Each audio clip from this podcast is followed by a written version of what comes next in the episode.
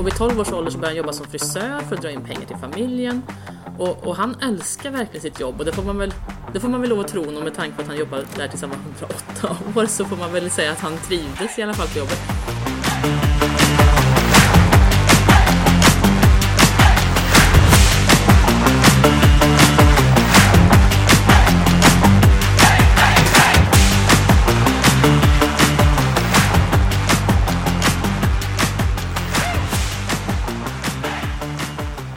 Hej och mycket varmt välkomna ska ni vara till Direktionen med Tunholm och Jägerborn. Jag heter Ann-Sofie Tunholm och med mig har jag som vanligt min stiliga och mycket sympatiska vän Malene Jägerborn. Hallå där! Hallå, men tack för de hedersamma orden Ann-Sofie. ja, det var det lilla, det är sant. Eh, Jag gottar mig åt att, att Ja men tackar! Jag gottar mig åt att hösten har kommit. Det är min favoritårstid faktiskt. Ja. Eh, Dels med färgprakten utomhus och det här lite krispiga i luften som gör att eh, utomhusträningen blir lite lättare. Eh, Så, och jag har ju också lagt mitt 57 levnadsår bakom mig Ja. med födelsedag i augusti.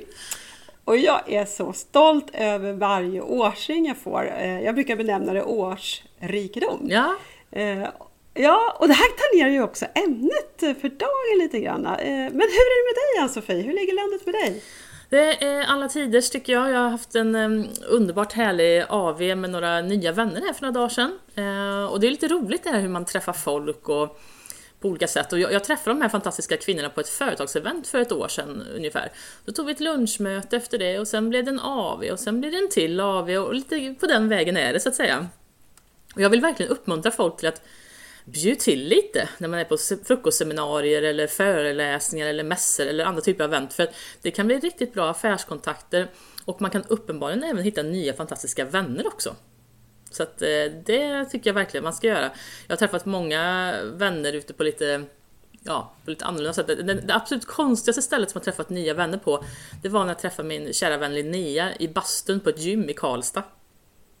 Det, var, ja, men det kan väl vara... Ja, visst, det Man kan sig. ha mycket filosofiska diskussioner i en Oh bastu. ja, det var- blev väldigt bra och- diskussioner och långa diskussioner. Till slut var jag tvungen att säga till en så här, förlåt, jag tycker det är jätteintressant det här vi pratar om, men kan vi gå ut ur bastun för jag, jag orkar inte längre. Då höll jag på att baxna nästan, jag har suttit i bastun kanske en timme eller någonting och Oj. träning på det. Så att vi fick ju fortsätta eh, konversationen utanför bastun sen. Så att, eh, ja. Så är det, men hur som helst, nu ska vi till någonting helt annat och du var ju inne på det också att eh, vi ska prata om åldersdiskriminering. Och eh, Malene, hur länge kan du själv liksom tänka dig att jobba om du skulle få möjlighet och har hälsan och så? Ja, det här är ju en intressant tanke som ligger i det här. För att jag menar, hur, när anses man egentligen vara gammal? Ja, Eh, personligen så känner jag mig precis lika nyfiken och utforskande på omvärlden nu som när jag var 5-6 år. Eh, och man vet ju aldrig vad som väntar runt hörnet. Och vem Nej. hade trott att jag skulle bli poddare som 57-åring? du ser. Och, och dessutom, ja men precis, alltså, vad som helst kan hända. Eh, och, och dessutom jobbar jag, förutom när jag inte gör poddinspelning då, med någon som jag verkligen älskar. Så jag har faktiskt inte satt någon bortre gräns för hur länge jag vill vara aktiv och jobba. Nej. Eh, och eh, bara en sån sak som den allmänna pensionsåldern som ökar var sjätte år med några år. Eh, det gör att vi måste ju bereda oss för att faktiskt jobba betydligt längre i framtiden än vad vi generellt gör idag. Ja. Eh, Så det vill till att arbetsgivarna ställer om kompassnålen för åldersnoja, från åldersnoja till årsrikedom skulle jag vilja säga. Ja. Eller vad säger du Ann-Sofie? Ja men verkligen. Det här ska bli riktigt kul att prata om det här. Eh, och jag har en liten särskilt bitter inställning till det här för att jag, jag verkar ha felmatchat arbetsmarknadstrenderna totalt under mitt yrkesliv. För när jag var ung och startade företag vid, eh, vad var jag då, 1920? Eh, Då var jag för ung och man såg på mig med viss misstänksamhet och jag fick ofta liksom överbevisa att jag var kompetent och torr bakom öronen. Och eh, jag blängde väl lite avundsjukt på alla äldre personer som verkar få alla jobb de pekar på, tyckte jag då såklart. Och nu när jag äntligen vuxit till mig och är 44 år, ja då börjar jag märka av att jag för- plötsligt är för gammal och att man hellre vill anställa 25-åringar. Så sånt jävla oflyt hela tiden, som de säger i Värmland. Ja. Men det är tydligen inte bara jag som är, är lite bitter på det. Utan rekryteringsföretaget TNGs senaste kandidatundersökning 2019 Där svarade faktiskt 58% att de misstänker att de någon gång blivit bortvalda på grund av sin ålder. Så det är alltså en upplevelse. Eh, nästan lika många chefer tror sig påverkas av den sökandes ålder under en anställningsintervju också. Och TNG eh, säger då att man kan se att efter 46 år så verkar risken att bli utsatt för åldersdiskriminering öka. Och ju äldre de sökande är desto högre andel tror sig ha drabbats också. Ehm, och eh, 47% av chefer och HR-specialister uppger att kandidatens ålder kan påverka anställningsintervjun enligt rapporten Mycket snack och liten verkstad. Du, alltså för jag måste bara haka på där du sa ja. att man kände sig liksom olika, alltså man kände sig riktigt aldrig matchad. Jag kommer ihåg när jag började med min karriär som säljare ute i tung industri, basindustri och forskning ja, och utveckling. Det måste ju vara och då pratar vi tid, alltså vi pratar tidigt 90-tal eh, slutet 80-tal, tidigt 90-tal och eh, alltså jag klädde mig äldre, jag hade, gjorde mig äldre på alla möjliga sätt med frisyr och eh, alltså jag sa att jag var äldre jag var för på den tiden så kunde man ju inte tack och lov googla fram personens ålder på samma sätt. Så det var liksom, Skönt. Men, men jag gjorde allt för att, för att liksom se äldre ut än jag var. Den ljuva tiden när man kunde upprätthålla någon slags fasad utan att folk googlade sönder en och kunde hitta ja, motbevis. Liksom. Perfekt. Men också för att liksom upprätthålla någon form av liksom seriös eh, form, format runt mig själv. Så att, eh, alltså, det där känner jag faktiskt igen lite grann. Uh. Eh, men men så, så, så, så jag sa inledningsvis, så, när, när anses man liksom vara gammal? Mm. Eh, och det här varierar ju faktiskt bland olika branscher också. Så att uh. man har liksom flera parallella åldersnojor att ta ställning till. Eh, och techbranschen då, det är ju den branschen som utmärker sig som har mest åldersnoja mot, mot äldre generationer. Mm. Eh, och som sagt, jag har ju själv jobbat i den här branschen i 35 år. Jag älskar teknik. Mm. Eh, så det här som jag liksom berättar om nu då, det, kom, det är liksom inte roligt att ta till sig på något sätt. Eh, för jag tänker så här, om du var bitter innan så kommer du att bli ännu bitter när du hör det här. Alltså. ja, exakt.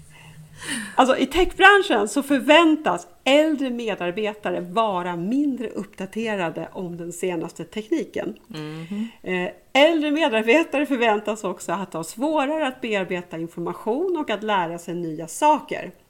Mm.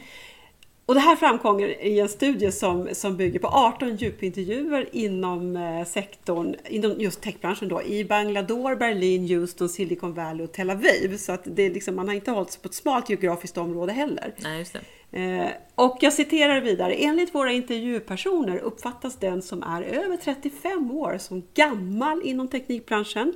Ung anses man vara fram till ungefär 30 år. Etiketten äldre förskjuts alltså tillbaka med ungefär 20 år jämfört med andra branscher och yrken. Säger Andrea eh, Rosales, postdoktor i vetenskapsteknik vid Open University of Catalunya, som också står bakom studien. Mm -hmm. Ja, den, här, alltså den här inställningen gör ju alltså att man inom techbranschen anses vara gammal redan vid 35 års ålder och medelsålders börjar någonstans runt 30 år. Ja men du hör ju hur det här låter Ann-Sofie. Mm -hmm, ja, mm. ja, jag känner hur jag direkt blir så stel i käkarna när du bara mm ja, mm. det bara så här, Ja, det, det här är låter ju helt sjukt.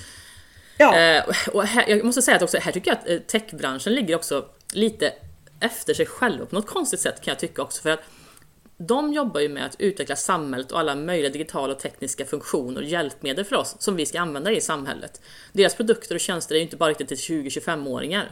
Absolut. Så det är ju liksom som att säga att det är som att säga att de inte tror på sina egna produkter på något sätt, för det är inte bara unga människor som ska använda den här tekniken. Och efter pandemin har ju digitaliseringen tagit ett jättekliv framåt och vi ser 85-90-åringar som handlar på nätet säkert ännu äldre också. Ja. Och vi strävar ju ja. efter att teknik ska vara tillgängligt för alla på alla möjliga områden. Men tydligen är det bara yngre personer som förstår sig på hur det ska gå till. Och jag tror inte att det tänket kommer att, att hålla på sikt riktigt. Så här. För hur, om vi ser den här utvecklingen på två pandemiår, vart är vi då om ytterligare fem år? Har inte samhället liksom förflyttat sig då kompetensmässigt också? För det går väl snarare åt, äh, det borde väl luta åt mer att fler och fler äldre personer får hög kunskap om teknik och kommer arbetsmarknaden inom tech då domineras av 10-15-åringar annars eller? Det, liksom, det låter lite orimligt tycker jag att man, att man ska gå neråt i åldrarna. Det borde väl snarare bli tvärtom, att man borde kika på eh, äldre och äldre medarbetare med tanke på att man etablerar tekniska och digitala lösningar mer och mer i samhället som en naturlig del. Ja, Eller? absolut. Och jag menar, vi, alltså, vi får ju stå för barrikaderna som, för det här som 80-åringar framöver. Alltså, ja, exakt. tekniken ska ju givetvis vara för alla. Men det... Vi kommer gå ut med rullatorerna och liksom eh, protestera ja. på stadens gator och torg. Ja, precis. Och så. Vi ska väl säga kanske också att vi, vi, idag, åldersdiskriminering handlar ju också om att man kan bli diskriminerad för att man är för ung också naturligtvis. Men vi kommer ju lägga lite fokus på eh, äldre personer, alltså på högre ålder. Ja, precis. Det är helt riktigt. Eh, och just det att bli diskriminerad på grund av hög ålder, det handlar väldigt mycket om oförståelse för hur hjärnan fungerar. Alltså det här är ju bara attityder som man har fått för sig. Ja. Det har ju inte någon vetenskaplig grund att vi skulle vara mindre nyfikna eller ha svårare att eh, förstå komplex information. Det är faktiskt tvärtom när vi blir äldre. Eh, så det är ren och skär okunskap och jag vill gärna mm. hänvisa till en en publicering från Harvard Health eh, Publishing som rapporterar, sällan, som rapporterar följande. Det finns mm. ingen period i livet när hjärnan och dess funktioner står still. Vissa kognitiva förmågor minskar med ökande ålder medan andra kognitiva förmågor faktiskt förbättras. Det, mm. som, det som försvagas med åldern det är eh, Eh, förmågan att lagra ny information i minnet samt att återkalla, återkalla eh, information som redan lagrats. Å andra sidan så stärks kopplingar mellan mer avlägsna områden i hjärnan. Eh, att dessa kopplingar förstärks gör att vi faktiskt blir bättre på att koppla ihop information från olika källor med ökande ålder. Det vill säga, vi blir bättre på att förstå helhetsbild, orsak och verkan samt följder och konsekvenser av specifika frågeställningar. Mm -hmm. Och möjligen, skriver de vidare, så är faktiskt detta grunden till det vi populärt kallar för visdom. Man ser att eh, Eh, denna förändring av hjärnans plasticitet infaller vid medelåldern ungefär, alltså runt 50. Eh, och att vi eh, kan sammanfatta det här med att hjärnan blir bättre på att överblicka hela skogen men sämre på att se alla individuella löv med ökande ålder. Och, och det är väl inga dåliga grejer det här Ann-Sofie? Nej men verkligen inte. Och det, det, det säger ju också lite, lite grann att man ska ju ha alltid rätt person och kompetens till rätt typ av roll naturligtvis också. Och då får man ju se till individuella eh, skillnader och, och, och kompetens naturligtvis. Jag tycker liksom det handlar mer om person än om en ålder i sig. Så. Ja visst gör det, visst är det så. Ja, och um, det finns ju även uh, mycket forskning kring det här faktiskt. Uh, bland annat från en forskningsrapport från Linnéuniversitetet och Uppsala universitet så som är från 2019 så visar den att den generella åldersdiskrimineringen är omfattande på den svenska marknaden och det börjar redan efter 40 års ålder, ibland ännu längre ner som du säger i vissa områden, eh, mm. i vissa branscher. Um, och när jag var tonåring, då var ju liksom en 40-åring, att det var liksom fruktansvärt gammal människa tyckte man ju då, på den tiden liksom. Uh, men en 60-åring idag är ju inte samma typ av person som det var på 80-talet en 60-åring på 80-talet. vi ändrar ju livsstilen ganska mycket också allt eftersom vi blir äldre och, och, och faktiskt piggare också. Jag, jag, tänkte på det där, jag hörde någonstans att, jag vet inte om det är en skröna, men jag hörde att farbror Melker i Saltkråkan ska vara, eh, spegla typ en man i 40-45 års åldern där. Och han ser ju ja. ut som att han är 75 ja, eller något sånt där ja, möjligtvis. Ja. Men eh, i den här studien i alla fall, så den baserades på att eh, forskarna då, de skickar ut över 6000 fiktiva jobbansökningar. Och redan där kan jag känna att jag tycker synd om forskare som måste genomlida detta eviga CV-skrivande och skickande och anpassande ut efter jobbannonserna. Alltså jag kan inte tänka mig ett värre mardrömsprojekt att sitta och skriva CVs. Jag hatar att hålla på och lägga tid och ofta, ofta är det ju timmar man lägger på ett CV som en ja, person ge, ja, ger tre sekunder eller kanske inte ens tittar på urvalsprocessen överhuvudtaget.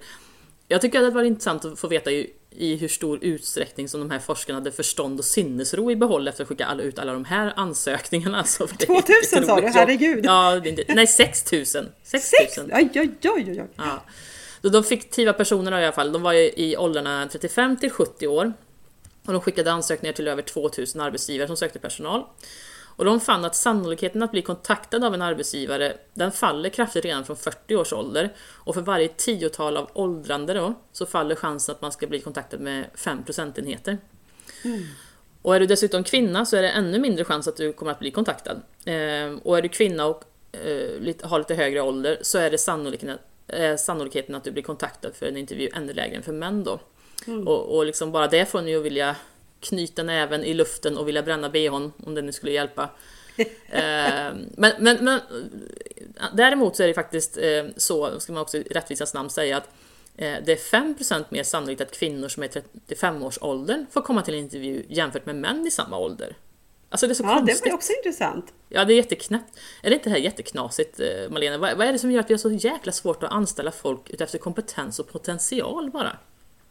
Ja, det, ja det, det, är ju alltså de egna attityderna som ligger i vägen och bromsar här tyvärr. Eh, ja. Vi har just nu en liten, eh, alltså i, i nuvarande inspelningsstund så har vi en pågående liten enkät ute på LinkedIn angående just eh, åldersnojan. Det är absolut ingen vetenskaplig enkät, det är mer quick and dirty, men ändå. Mm. och frågan i den är, har du någon gång i ditt arbetsliv känt dig diskriminerad på grund av hög ålder? Eh, och nu är den här enkäten inte klar, men det är drygt 100 personer som har svarat.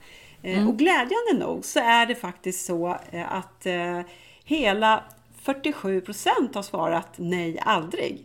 Alltså man mm. har aldrig känt sig diskriminerad på grund av hög ålder, så det är ju faktiskt riktigt glädjande. Mm. Mindre roligt dock är att i he, hela 53 procent svarar att man har känt sig diskriminerad i arbetslivet på grund av hög ålder, ja, en eller flera gånger. Mm. Eh, så att vi ska följa den här enkäten och återkomma till den. Eh, mm. Och SVT hade ett eh, en reportage just om åldersdiskriminering och där lade man ut en chatt där de som hade drabbats kunde lägga in sina erfarenheter.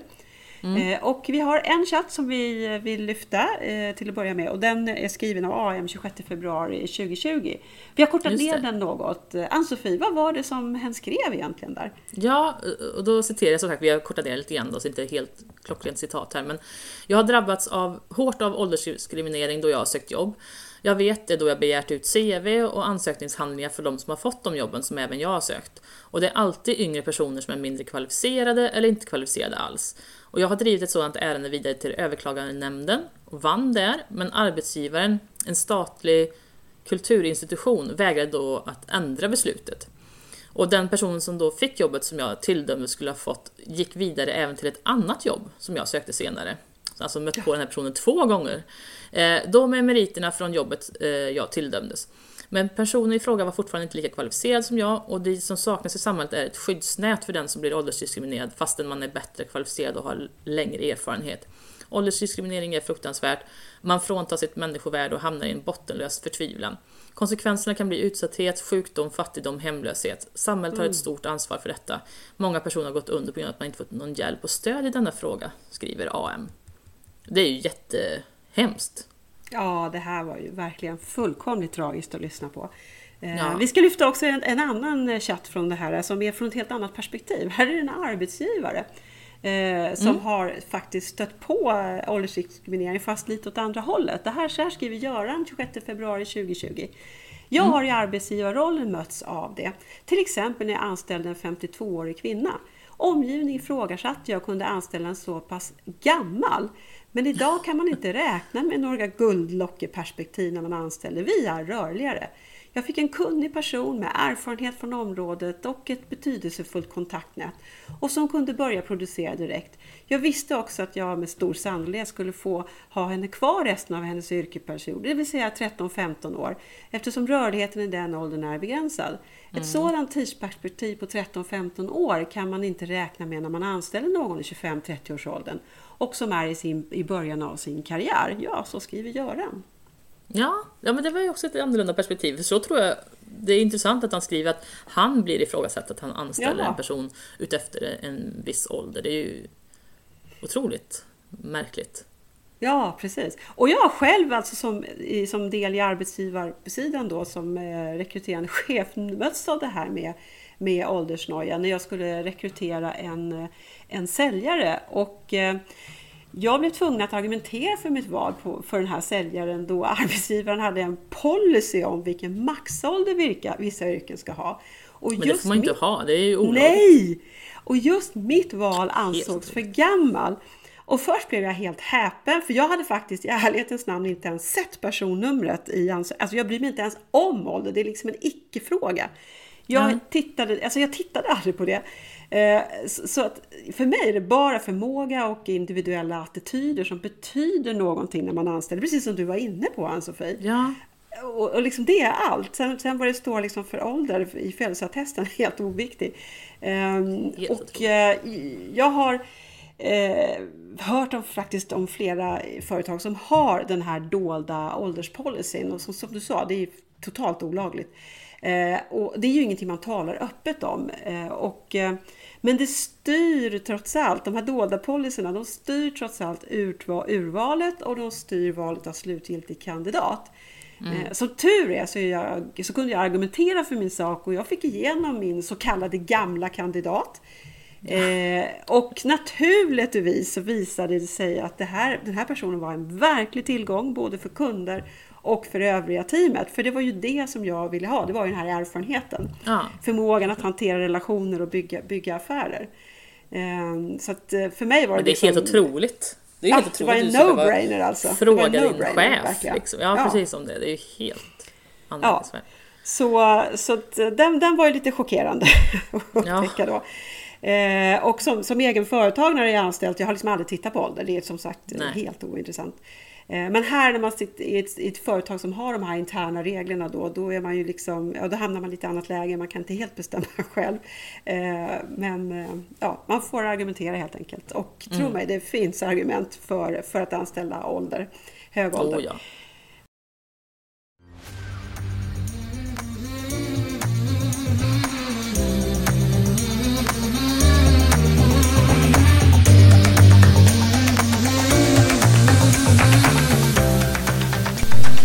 För er som är medlem i direktionen Patreons så har vi nu även en exklusiv intervju med Martin Aras som berättar om hur han blev utsatt för kränkande särbehandling på sin arbetsplats. Det lät så här. En av, en av grejerna som jag möttes av det var att eh, när andra kollegor hade frågat den här personen om vad som har hänt och varför den personen inte kommer upp mm. Eh, till eh, där, där vi sitter då, som trafikledare mm. så hade den här personen har nämnt att uh, ja, hen vägrar komma upp. Mm. Att just jag sitter, jag sitter där. Okej, okay, så personen ville undvika dig liksom helt enkelt? Ja, men precis. precis. Det var någonting med att jag, eh, inte gjort någonting eller ja, jag, jag vet inte riktigt vad det hade att göra med men man ville undvika mig på något sätt. Mm. För er som vill höra hela intervjun så finns intervjun med Martin nu på Patreons från och med nivå Business Bullshit Haters.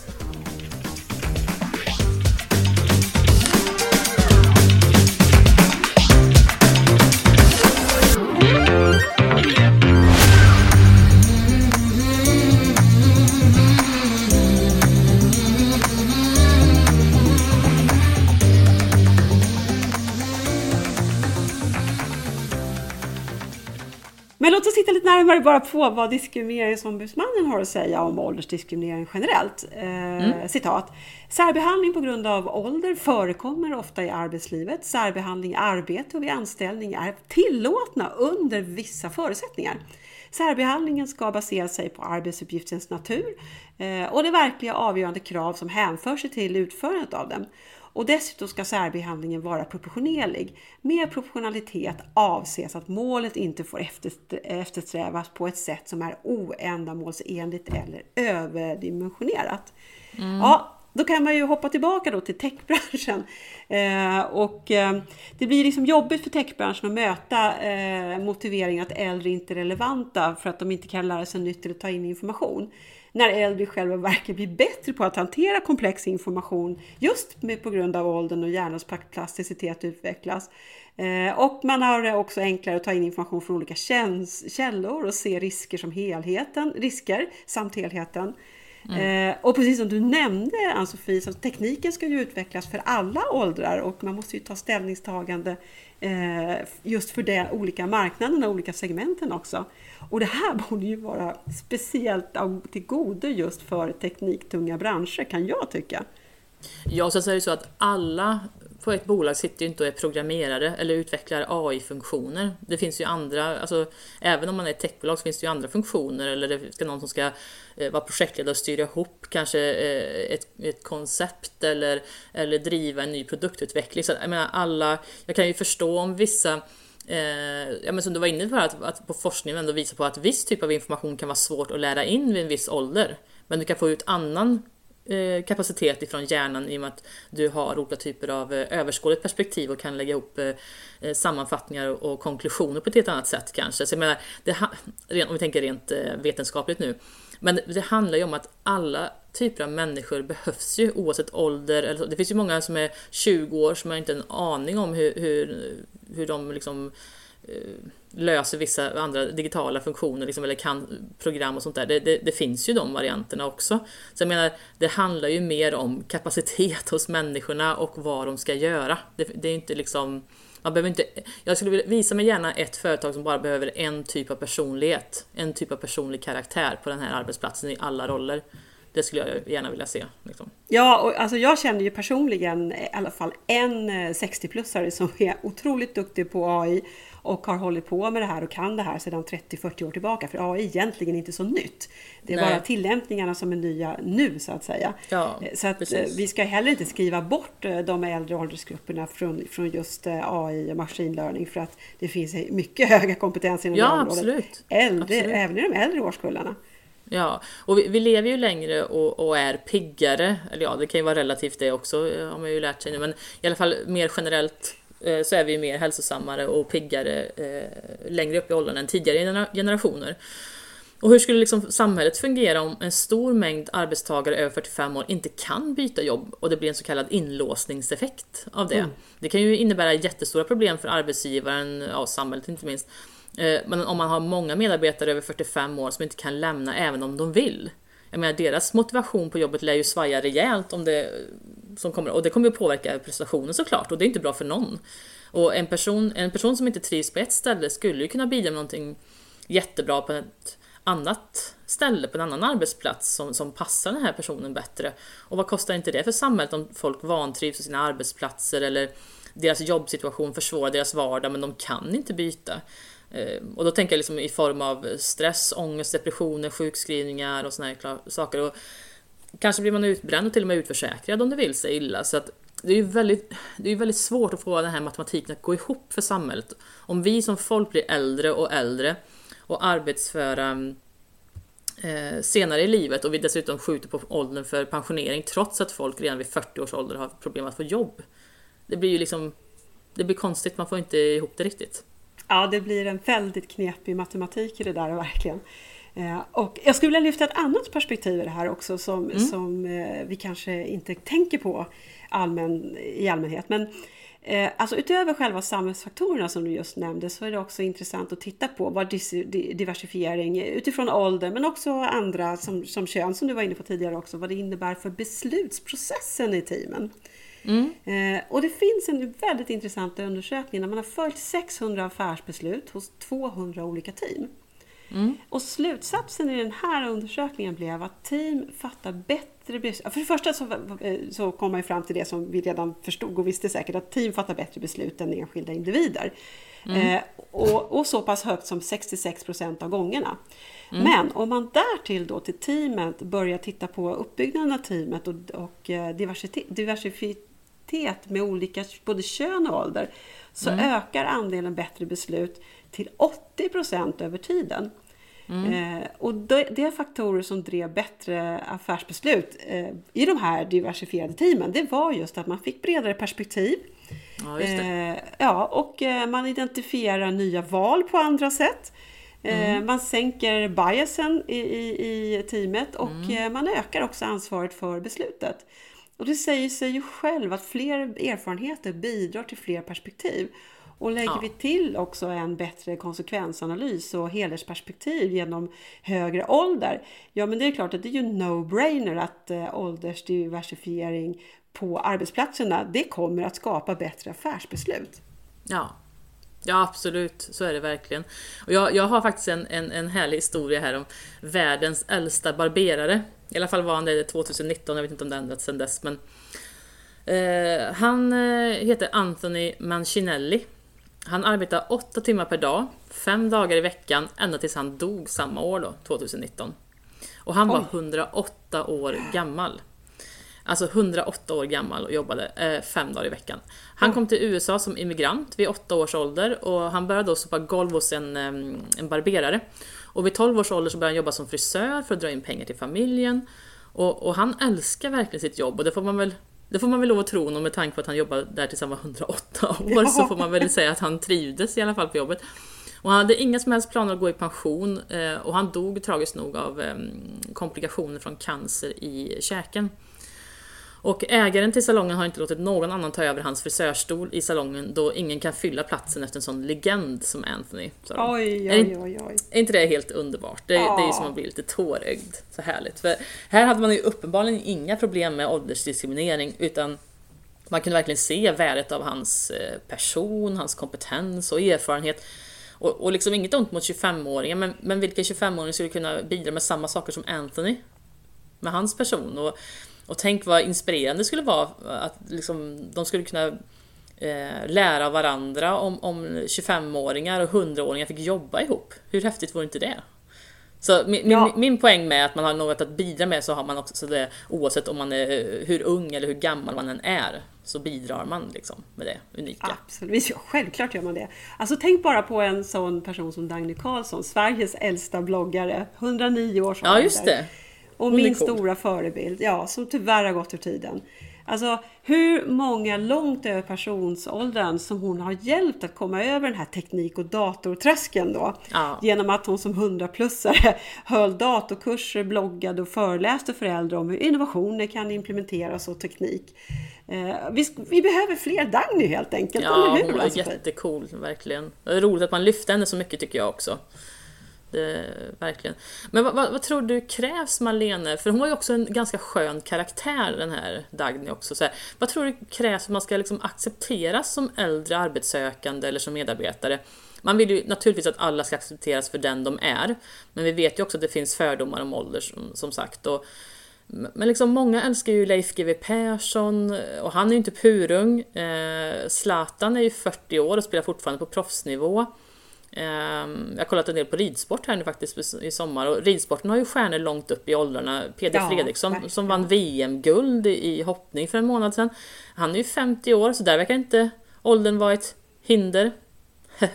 alltså lite dålig Göteborgshumor här. Men, men, ja, men, men, men, har det att göra med att man utmärker sig på ett speciellt sätt tror jag? Liksom att man att man är en unik expert inom ett väldigt smalt område, eller att man är extremt duktig, eller att man är lite excentrisk. Vad, vad, vad tror du är det som gör att, att man utmärker sig så? Ja, om, vi, om vi lyfter upp det på, på samhällsnivå så ser ju jag att tre saker behöver hända för att vi ska få bort den här åldersnojan. Mm. Och det första är ju helt enkelt att arbetsgivaren måste byta åldersattityder. Alltså man måste bryta de här attityderna. In med mer kunskap om vad åldersdiversifiering verkligen gör på en arbetsplats. Mm. Eh, och, eh, därför att arbetskraft, dels kommer arbetskraften inte att helt enkelt att räcka till annars. Eh, och dessutom kommer kultur och kreativitet och beslutsprocesser att urholkas om man här har åldersnoja mot högre ålder på arbetsplatsen. Mm. Så det är det första som behöver hända. Det andra som behöver hända det är att arbetsgivaren behöver satsa betydligt mer på upskilling för arbetstagarna. Mm. Eh, så att medarbetarna hela tiden kontinuerligt kan ta till sig ny teknik för att lösa uppgiften. Att man verkligen känner att man får det stödet. Eh, och bara för att dra en parallell till när vi klev in i, i pandemin och skulle jobba, börja jobba hemifrån då. Eh, visst, tekniken fanns, men det var ju väldigt få som hade fått utbildning i hur man eh, hanterar de här eh, Teams och Zooms och, och alla dem. Så att, ja. ja. vi har ju sett hur många roliga videor som helst på hur, hur det kan se ut. I, i, i och, och, det har gångna tider till, för nu har vi lärt oss, men vi tappade mycket fart och eh, mycket frustration på grund av att vi faktiskt inte hade mm, tillhandahållit teknisk utbildning helt enkelt ja. på, för våra medarbetare. Så det är det andra som behöver hända. Och det tredje som måste hända det är faktiskt att arbetstagarna själva, alltså vi individer, måste hålla oss relevanta och även ja. själva lära oss nytt, det vill säga reskilling. Eh, alltså inte bara det som arbetsgivaren tillhandahåller för att driva sin egen verksamhet eh, utan också att stå för egna kompetenslyft. Idag så vi behöver djup, utveckla djupa specialistkunskaper. Du var inne på det också med mm. Expertiskunskap. Alltså, vi behöver utveckla djupa eh, expertiskunskap inom vår karriär men för att vara relevanta så, så behöver vi ju tillföra nya specialistkunskaper, kanske två, tre, fyra gånger under mm. en, en, en, en, yrkeskarriär. Mm. Eh, så att vi kan liksom inte förlita oss på de här gamla kunskaperna. Och eh, som sagt, det här är ett ansvar som varje arbetstagare behöver ta i betydligt mer högre utsträckning och redan idag. Och det ja. kan handla om att man tar nya examina, att man certifierar sig eh, och, får, och får så att säga kompetensbevis för, för, nya, för nya förmågor. Mm. Eh, som sagt, så det är de här tre sakerna som måste till. Nya, eh, alltså en bättre för, förhållande från arbetsgivaren till vad ålder verkligen innebär, hög ålder, vad det tillför och att uh, upskilling för de befintliga medarbetarna och reskilling för oss som arbetstagare. Ja. ja, men alla, alla har ett ansvar i det här helt klart och, och jag, jag, tänker på vissa branscher där det är väldigt naturligt att man hela tiden vidareutbildar personalen. Att det, är liksom, det, är inte, det, är en, det är en icke-fråga, till exempel som inom revisionsbranschen, till exempel bokförings redovisningsbranschen. Där eh, direkt när, när, man anställer någon som kommer från skolan så skickar ju de dem på ut, ganska massiva utbildningar som arbetsgivare direkt. Eh, för att de vet att det, det, de har inte de senaste eh, jag menar, högskolorna hänger inte med på samma sätt som, som, som samhället ändras när det gäller lagar och regler och skatteförändringar och sånt där också. Så att, så att de, de eh, ger ju sina nya medarbetare väldigt mycket utbildningar hela tiden och framförallt redan när de är nyutexaminerade också. Så där finns det ju. Ja, och det, det finns en, en, en, viktig koppling här och det är ju att eh, revisorerna har ett personligt ansvar enligt ja. aktiebolagslagen. Exakt. Eh, så man måste helt enkelt ur arbetsgivarens ja. Eh, sida tillhandahålla ut adekvat utbildning hela tiden för att annars ja. riskerar man att hamna riktigt illa. Men så är det ju inte för alla branscher. Nej. Och sen jag läste faktiskt att eh, Coca-Cola, eh, som ju är ett stort bolag, de har ju upprättat en akademi som verkar ta det där på allvar också. För att eh, vi ser ju naturligtvis, man pratar om kompetensbrist och sånt där, det kommer vi ta något nytt avsnitt och prata om längre fram säkert, eh, kring just den biten. Men, men de har ju tagit saken i egna händer och faktiskt vidareutbildar sin personal inom de tekniska eller digitala områden som de själva kommer ha behov av längre fram. Alltså det är inte någon liten eh, halv slöutbildning som man läser på ett par timmar, liksom som många andra företag har på sina akademier som de kallar dem. Det här verkar vara en riktigt bra utbildning som verkligen är en kompetenshöjande eh, utveckling eh, för de här medarbetarna, men som företaget verkligen har nytta av rent eh, eh, när det gäller den digitala och tekniska utvecklingen. Då. Så det är ju intressant. Ja, typ som en akademi helt enkelt. Ja, precis. Det, ja, det var en akademi. Men eh, det är många som säger att de har akademier, men det är inte alltid att det är så mycket eh, som ligger bakom dem om man säger så. Det, det, kan, det är klart att det kan vara nyttig kompetensutveckling, absolut. Men, men det här verkar ju vara, eh, jag menar det är inte på alla företag som du lär dig kanske olika tekniska eh, färdigheter mer som en, en, en eh, typisk högskoleutbildning till exempel. Och det, det verkar så, när jag läste om det så verkar det som att det var mer på den nivån det handlade om. Så att säga. Jag vill avsluta med att säga att eh, jag jag älskar ju att jobba och lära mig nya saker. Så att, eh, jag, jag, säger som 95-åriga Elena Griffing eh, sa, som har jobbat 75 år som läkarsekreterare och som ansvarig för patientrelationer på samma klinik. Hon har haft sex sjukdagar och hon går fortfarande i högklackat. Hon säger så här I will retire when they push me out of the door or carry me out in a box. Eat that åldersdiskriminering skulle jag vilja ja, säga. Verkligen. Och med de rafflande orden är det dags att avsluta dagens avsnitt av åldersnoja.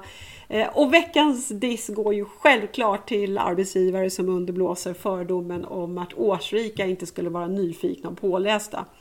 Eller att förmågan ja. kopplas ihop. Eh, eh, eller att förmåga koppla ihop, koppla ihop komplex information för konsekvensanalys inte skulle vara en superkraft för att driva verksamheter framåt i vår förändliga om, omvärld. Alltså, jag säger bara det. Eat that ålderism, säger jag då. Ja, verkligen. verkligen. Och ja, men med det så tackar vi för idag, Ann-Sofie, eller hur? Nå någonting du vill avsluta ja. med att säga?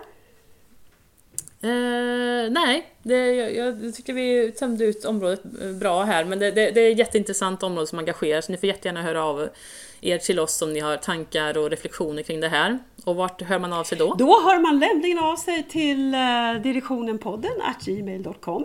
Eh, och som vanligt så lägger vi ju självklart ut allt det vi har refererat till, allt material vi har refererat till, lägger vi ut på vår LinkedIn-sida Ledarpodden Direktionen. Eh, och där är ni också väl, ja. väl, hjärtligt välkomna med eh, påhejningar och med eh, kommentarer och önskemål och så vidare. Vi vill ha kontakt med er.